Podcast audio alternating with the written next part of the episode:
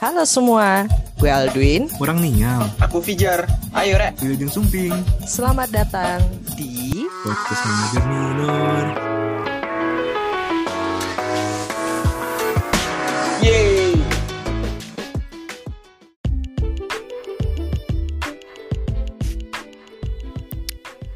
Halo semuanya.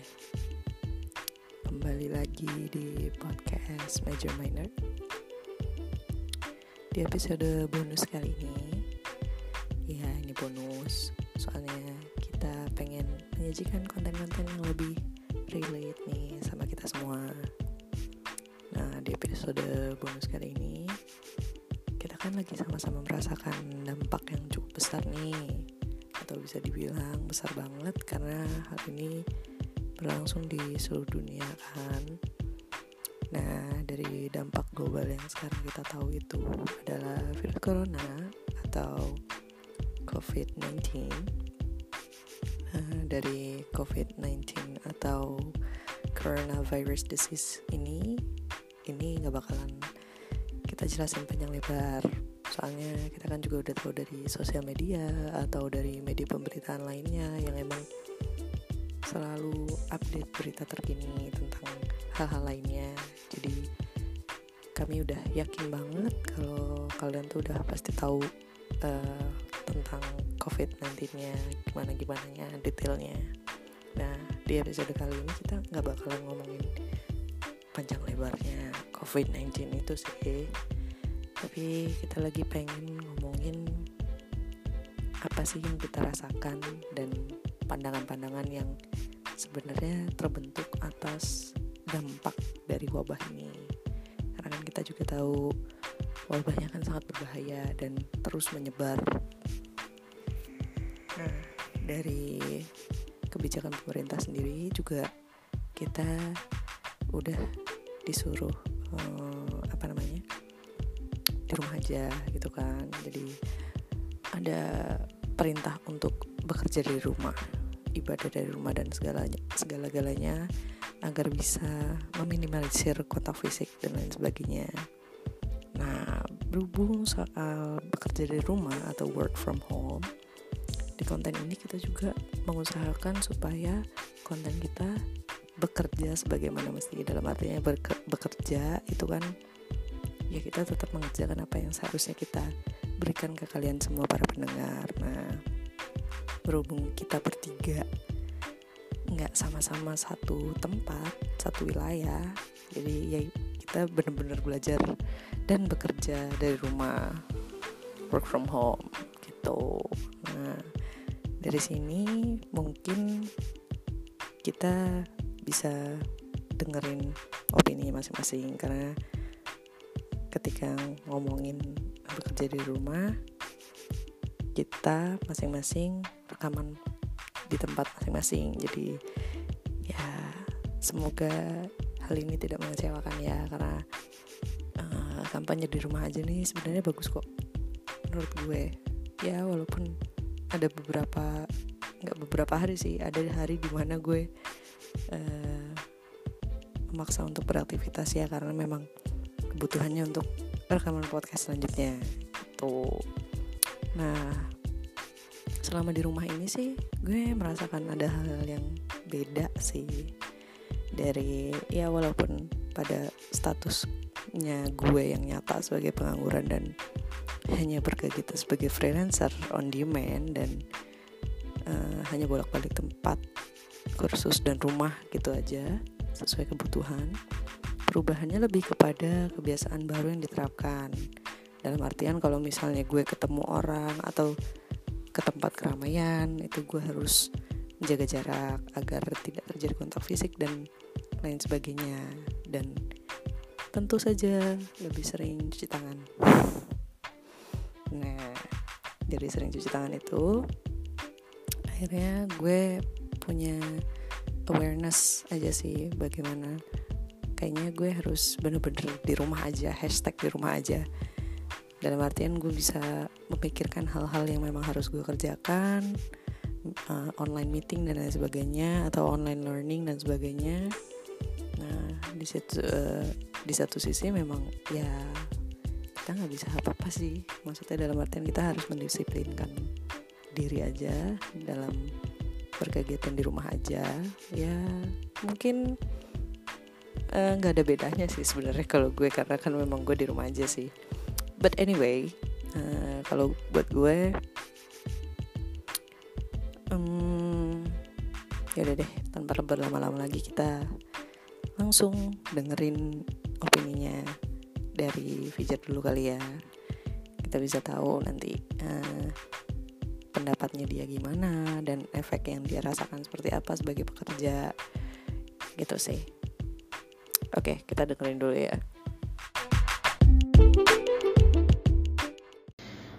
menurut Fijar sih kalau dari COVID-19 sendiri uh, sebagai pandangan Fijar ya seorang pekerja gitu ya. Seorang pekerja sih kalau semisal dibilang cukup rugi ya buat Pijar gitu karena banyak yang cancel padahal udah close mau deal sama klien tapi uh, karena mungkin kliennya juga memikirkan keselamatan dirinya sendiri gitu ya. Jadi mereka postpone buat uh, tanda tangan kontrak buat implementasi produk seperti itu sih. Jadi kurang lebih uh, yang jelas bagi segi bisnis ini merugikan cukup merugikan. Cuman namanya wabah kan ya sudah diputuskan sama WHO bahwa ini pandemik juga kan. Jadi memang uh, harus sama-sama saling bergotong royong untuk menghadapi ini gitu. Kita tidak boleh memikirkan bisnis karena ya menurut Fijar juga yang Fijar pernah baca di bukunya Ted Leonsis bisnis itu bukan sekedar bisnis tentang angka revenue yang mana uh, bisnis harus meraih revenue sebanyak-banyaknya tapi indeks kebahagiaan dari masyarakat atau customer itu harus diutamakan juga jadi ketika sosial bahagia bisnis tuh bisa dikatakan sukses di situ. Jadi KPI-nya dari bisnis happiness kayak gitu sih. Dan uh, ya wajar sih kalau semisal harus work from home gitu sekarang ya walaupun sebagai business development ya tapi tetap bisa produktif gitu. Karena untungnya saya juga B2B gitu. Saya nggak tahu kalau rekan-rekan B2C nanti mungkin Nail bisa menambahkan gitu. Seperti apa B2C kalau semisal terjadi WFO pada WF, uh, eh, WFA pada karyawannya gitu. Kalau Fijar sih masih oke okay lah ya. Dan perusahaan Fijar secara programmer juga pekerjaannya bisa dibawa pulang ke rumah asalkan koneksi masih cincau lah ya masih oke. okay dan Pijar juga masih bisa ya range range meeting mungkin minggu depan atau bulan depan gitu. Karena 14 hari harus standby di rumah. Dan bener-bener ini dari hari Senin Senin minggu kemarin lupa tanggal berapa itu pokoknya sampai per hari Sabtu ini. Pijar nggak keluar ke mana-mana paling mentok olahraga doang sih. Olahraga doang di belakang kompleks gitu. Nggak nggak sampai keluar. Bahkan keluar klaster pun sekali itu hari Rabu nyari nyari obatnya pembantunya kakak. Jadi pembantunya kakak sakit sakit terus nyari obat gitu sih. Jadi ya literally benar-benar ini mengisolasi diri gitu. Karena benar kata-kata medis yang kita kerja di sini untuk anda dan ya kita kalau yang standby di rumah ya untuk mereka yang bekerja di luar gitu. Biar biar ada timbal baliknya lah biar cepat berakhir situasi seperti ini. Memang situasi kayak gini semuanya itu rugi kok. Walaupun orang-orang pada ngejual masker harga tinggi sanitizer harga tinggi tapi sebenarnya pada akhirnya mereka itu sebenarnya merugikan diri sendiri gitu. Karena mereka menjual stok dengan harga tinggi namun barangnya langka gitu. Dan ke depannya mereka juga uh, dari dari segi GDP-nya Indonesia juga bakal anjlok gitu. Karena barang langka dan uh, daya beli masyarakat menurun gitu gitu sih dan dan analisis Fijar ya abis ini nih abis uh, eh, COVID-19 era ini itu bakal ada uh, penurunan ekonomi khususnya di Indonesia. Karena Indonesia sendiri kan negara berkembang yang ya apalagi di Jakarta ya yang bener-bener bisnis flow bisnis prosesnya itu kenceng banget gitu. Flow bisnisnya kenceng banget dan uh, kalau ini berakhir pasti ada penurunan ekonomi. Padahal ya cuman satu bulan ya tapi bakal gitu. Dan pasti banyak efisiensi sih dari perusahaan. Walaupun kemarin-kemarin sudah banyak efisiensi kayak PHK dan lain-lain tapi bakal ada lagi gitu. Lebih banyak lagi kayak perusahaan hotel travel tuh pasti. Banyak yang bangkrut. Terus apalagi ya ya ya ya aku nggak menakut-nakuti di sini hanya analisis aja gitu karena emang analisis ya boleh lah ya disampaikan gitu. Di sini juga bakal susah nyari kerja karena lowongan kerja bakal sedikit itu itu aja. Dan pengangguran makin banyak gitu sih. Pengangguran terdidik tuh makin banyak. Dan bakal susah orang-orang buat nyari kerjaan. Bisnis pun bakal susah. Ibu, pokoknya abis ini bener-bener harus bangkit. Nggak cuman nyelesain COVID-19 tapi perekonomian juga bakal oh, wow banget ini bakal bakal turun drastis. Dan aku juga Pijar juga nggak yakin gitu kalau uh, yang udah punya kerjaan juga nggak ngerasa aman juga gitu. Karena memang ya gimana penghitungan pijar perusahaannya dari klien kalau misal klien bangkrut ya otomatis mereka nggak bisa bayar maintenance otomatis gaji pijar dari mana kan nggak ada gitu. Jadi semuanya bakal jadi penurunan ekonomi masing-masing punya ancaman sendiri-sendiri gitu. Itu sih. Dan Indonesia juga mengalami bonus demografi kan ya, yang yang itu juga sih bisa jadi bom waktu bagi kita. Walaupun untuk keuntungan presiden bisa ngomong ini keuntungan bagi kita tapi sebenarnya itu bom waktu bagi kita yang mengalami bonus demografi itu gitu. Ya kurang lebih itu sih dari pandangan dari Fijar uh, mungkin nanti bisa dimasukin satu-satu poinnya. Terserah mau dimasukin atau enggak yang penting tuh pandangan dari Fijar seorang ya pekerja buruh lah buruh. Buruh perusahaan yang sedang WFA terus ke depannya nanti kayak gimana ya ini sih pendapat dari Fijar gitu. Dah thank you mbak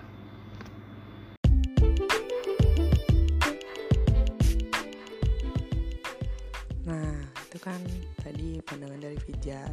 Nah, ini gue perlu banget disclaimer ya, karena gue akan mengingatkan kalian para pendengar bahwa ini murni pendapat kami bertiga dan pendapatnya itu juga pun masing-masing. Jadi hmm, pendapat kami atau narasi dan opini kami yang kita rasakan itu benar-benar uh, tidak melewati diskusi yang benar-benar harus kita satukan bersama tapi itu opini pribadi. Nah uh, tadi kan Fijar sempat nyinggung bahwa uh, efek yang dirasakan adalah dampak dari segi ekonomi dan bisnis. Karena memang dia uh, udah menyebutkan bahwa dia bekerja di business development.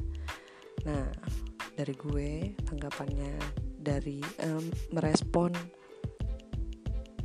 pendapatnya dia itu uh, gue akan menyampaikan ini sih maksudnya dalam artian uh, semua orang punya aduh kok suara gue jadi hilang gini sih? Sorry sorry.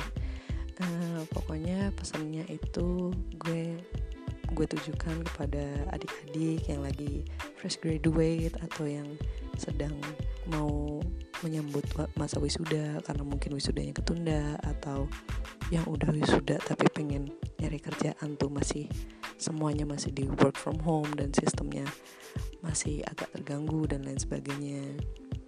Kalian yang sabar ya pokoknya ada waktunya masing-masing kok kalian untuk bisa uh, dapat waktu yang memang akan uh, menanti kesuksesan kalian gitu. Karena kan tadi Fajar juga nyebutin bahwa it is going to be hard for uh, kalian yang lagi nyari kerjaan gitu sama kok gue juga lagi nyari kerjaan tetap gitu loh walaupun gue freelancer dan gue sedang menyelami apa yang gue suka bukan berarti gue nggak punya backup dan lain sebagainya gitu. Jadi we're all in this together gitu kok tenang aja ya. Nah sekarang itu waktunya untuk partner kita yang satunya lagi nih Sinial nah kira-kira tadi kan udah dijelasin sama Fijar mengenai segi bisnis dan ekonomi nah kira-kira kalau Nial yang ngomong itu dari segi apa ya coba kita dengerin dulu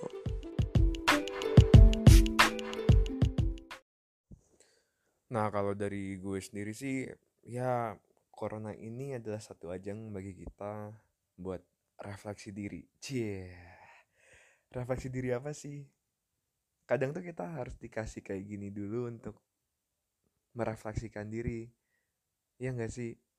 I mean like, uh, kita sekarang semuanya lagi social distancing which is kita sekarang lagi di rumah nih untuk berjuang melawan suatu wabah yang diberikan oleh Tuhan yang diciptakan oleh Tuhan dan gue yakin sih maksudnya apa yang diciptakan oleh Tuhan itu pasti ada satu sebabnya maksudnya apa bisa jadi mungkin manusia sudah terlalu melakukan banyak sekali kerusakan cie.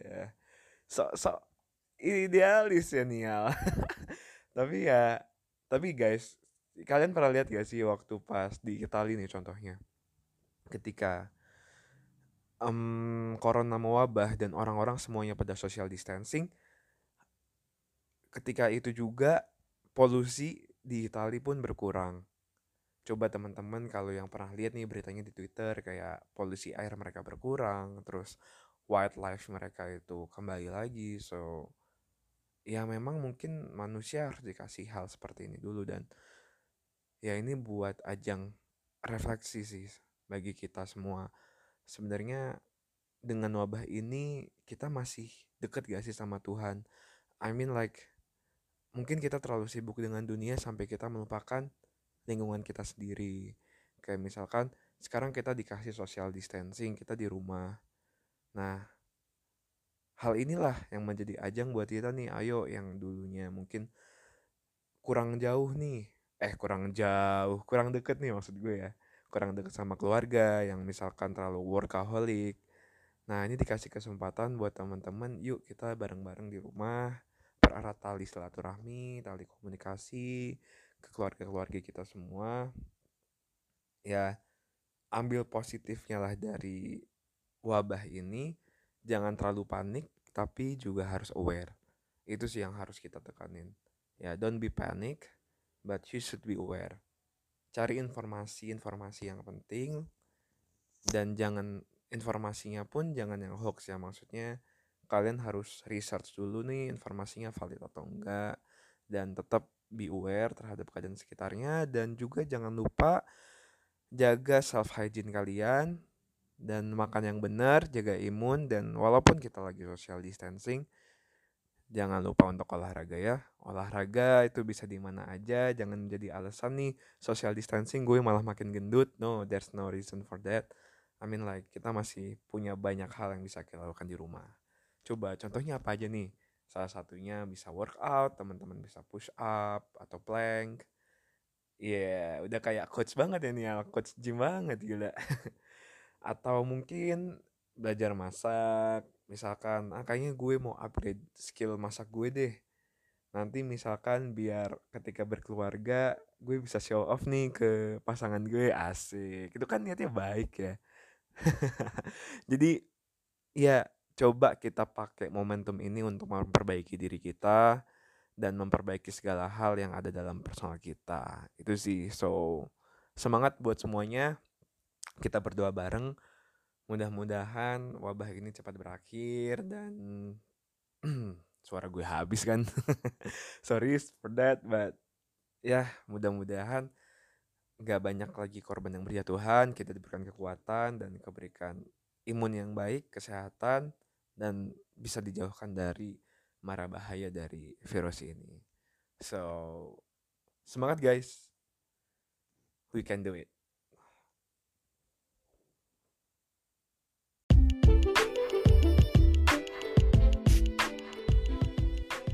Nah, udah dijelasin kan sama Nial. Hmm, by the way, ada fakta menarik nih dari Nial.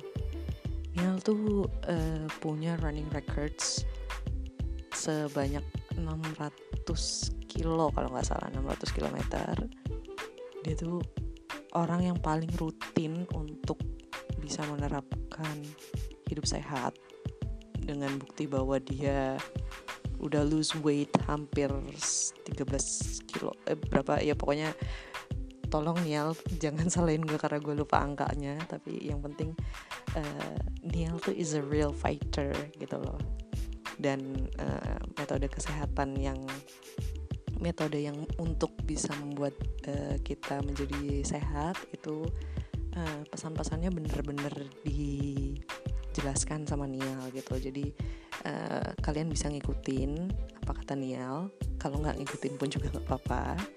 Yang penting uh, intinya kalian tuh tetap jaga kesehatan kalian boleh lari atau kalian boleh workout di rumah exercise yoga dan segala macam yang membuat kalian bisa lebih produktif dalam berkegiatan dan tentunya stay healthy gitu. Karena uh, hal-hal yang disampaikan Nial tuh juga mengingatkan gue sebenarnya dari pesan-pesannya dia yang soal kebersihannya di negara lain yang bisa berdampak positif karena semua orang di rumah aja work from home dan lain sebagainya. Uh, pesan-pesannya Nial tuh mengingatkan gue pada fenomena yang sekarang. Kayak dalam artian gue keinget sama tweet.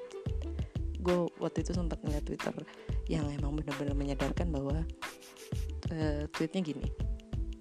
It is not about the virus. The human itself is the virus gitu. Jadi uh, ya ada dampak positif dan negatifnya lah pasti gitu. Tapi kita tidak bisa melihat uh, satu sisi dijadikan sebuah positif dan negatif. Karena setiap sisi negatif dan positif itu juga bisa dianggap sebagai uh, sisi negatif dan positifnya masing-masing. Karena semua orang bebas punya beropini dan uh, kebebasan berpendapat itu juga tidak melulu uh, ingat sama uh, etikanya gitu. Dalam artian gini kalau misalnya orang berpendapat dia belum tentu punya etika berpendapat gitu. Jadi ya kita akan terus selalu berargumen gitu loh walaupun ada sisi positif dan negatifnya gitu. Nah dari situ pokoknya kalau misalnya nanti virus ini udah bener-bener hilang di muka bumi dan kita sama-sama berharap bahwa disease ini bakal hilang sebelum Ramadan. Ya karena kita semua tahu hmm, Ramadan udah tinggal beberapa minggu lagi dan kita masing-masing dari kita yang merayakan Ramadan dan Lebaran pasti pengen banget rasanya bisa bukber sama temen-temen atau uh, sekedar reuni kecil-kecilan. Pokoknya semuanya itu berkaitan dengan kebersamaan dan ke kegembiraan dalam keberkahan. Pokoknya kalau misalnya itu udah bisa benar-benar terjadi tolong banget jaga bumi kita supaya tetap bersih se sebagaimana mestinya gitu. Ya kita sama-sama saling mengingatkan gitu. Pokoknya jangan buang sampah sembarangan. Hidup lebih bersih hidup lebih sehat dan lain sebagainya. Ya kira-kira gitu aja sih pendengar hmm, mohon maaf sekali kalau misalnya ada beberapa episode yang kiranya kita agak rame berdua gitu karena kita masih belajar untuk bikin podcast. Jadi dengan episode kayak gini mungkin audionya bisa lebih jernih karena kita rekaman masing-masing di rumah masing-masing jadi nggak ada gangguan dan kita tidak berinteraksi. Jadi uh, lebih serius dan ya mohon maaf kalau misalnya ketawa gue itu emang tidak bisa dikendalikan ya memang seperti itu adanya gitu. Jadi ya kiranya kalau misalnya gue rekaman begini lebih ke apa ya pencitraan bukan percitraan sih jadi ya karena ngomongnya sendiri sepi terisolasi jadi lebih bagus audionya gitu aja sih. Semoga ada episode-episode lain yang kalian nantikan. Dan mudah-mudahan di episode bonus kali ini bisa membuat kita lebih aware atas apa pun yang terjadi selama ini gitu. Pokoknya tetap sehat tetap semangat. Dan terima kasih sudah mendengarkan sejauh ini. Dan jangan lupa follow Instagram kita di @podcastmajorminor nanti kita pasti akan repost kalian gitu. Dan bagi kalian yang pengen jadi tamu di podcast kita kita bisa ngobrol-ngobrol aja dulu. Nanti biar kita tempatkan tema-tema dan topik-topik yang menarik untuk kita bisa bagikan ke orang lain gitu. Jadi uh, kita sangat menantikan antusiasme kalian sebagai pendengar dan menjadi tamu dan kalian juga bisa menyebarkan hal-hal baik dari dalam diri kalian dan kita diskusikan bareng-bareng. Gitu sih. Wow ternyata cukup panjang ya episode kali ini. Ya pokoknya gitu deh. Pokoknya tetap semangat tetap sehat. Hmm, apa pun yang produktif untuk kalian yang menurut kalian produktif. Semangat untuk semua pekerja yang sedang bekerja dari rumah. Dan hashtag di rumah aja oke okay. bye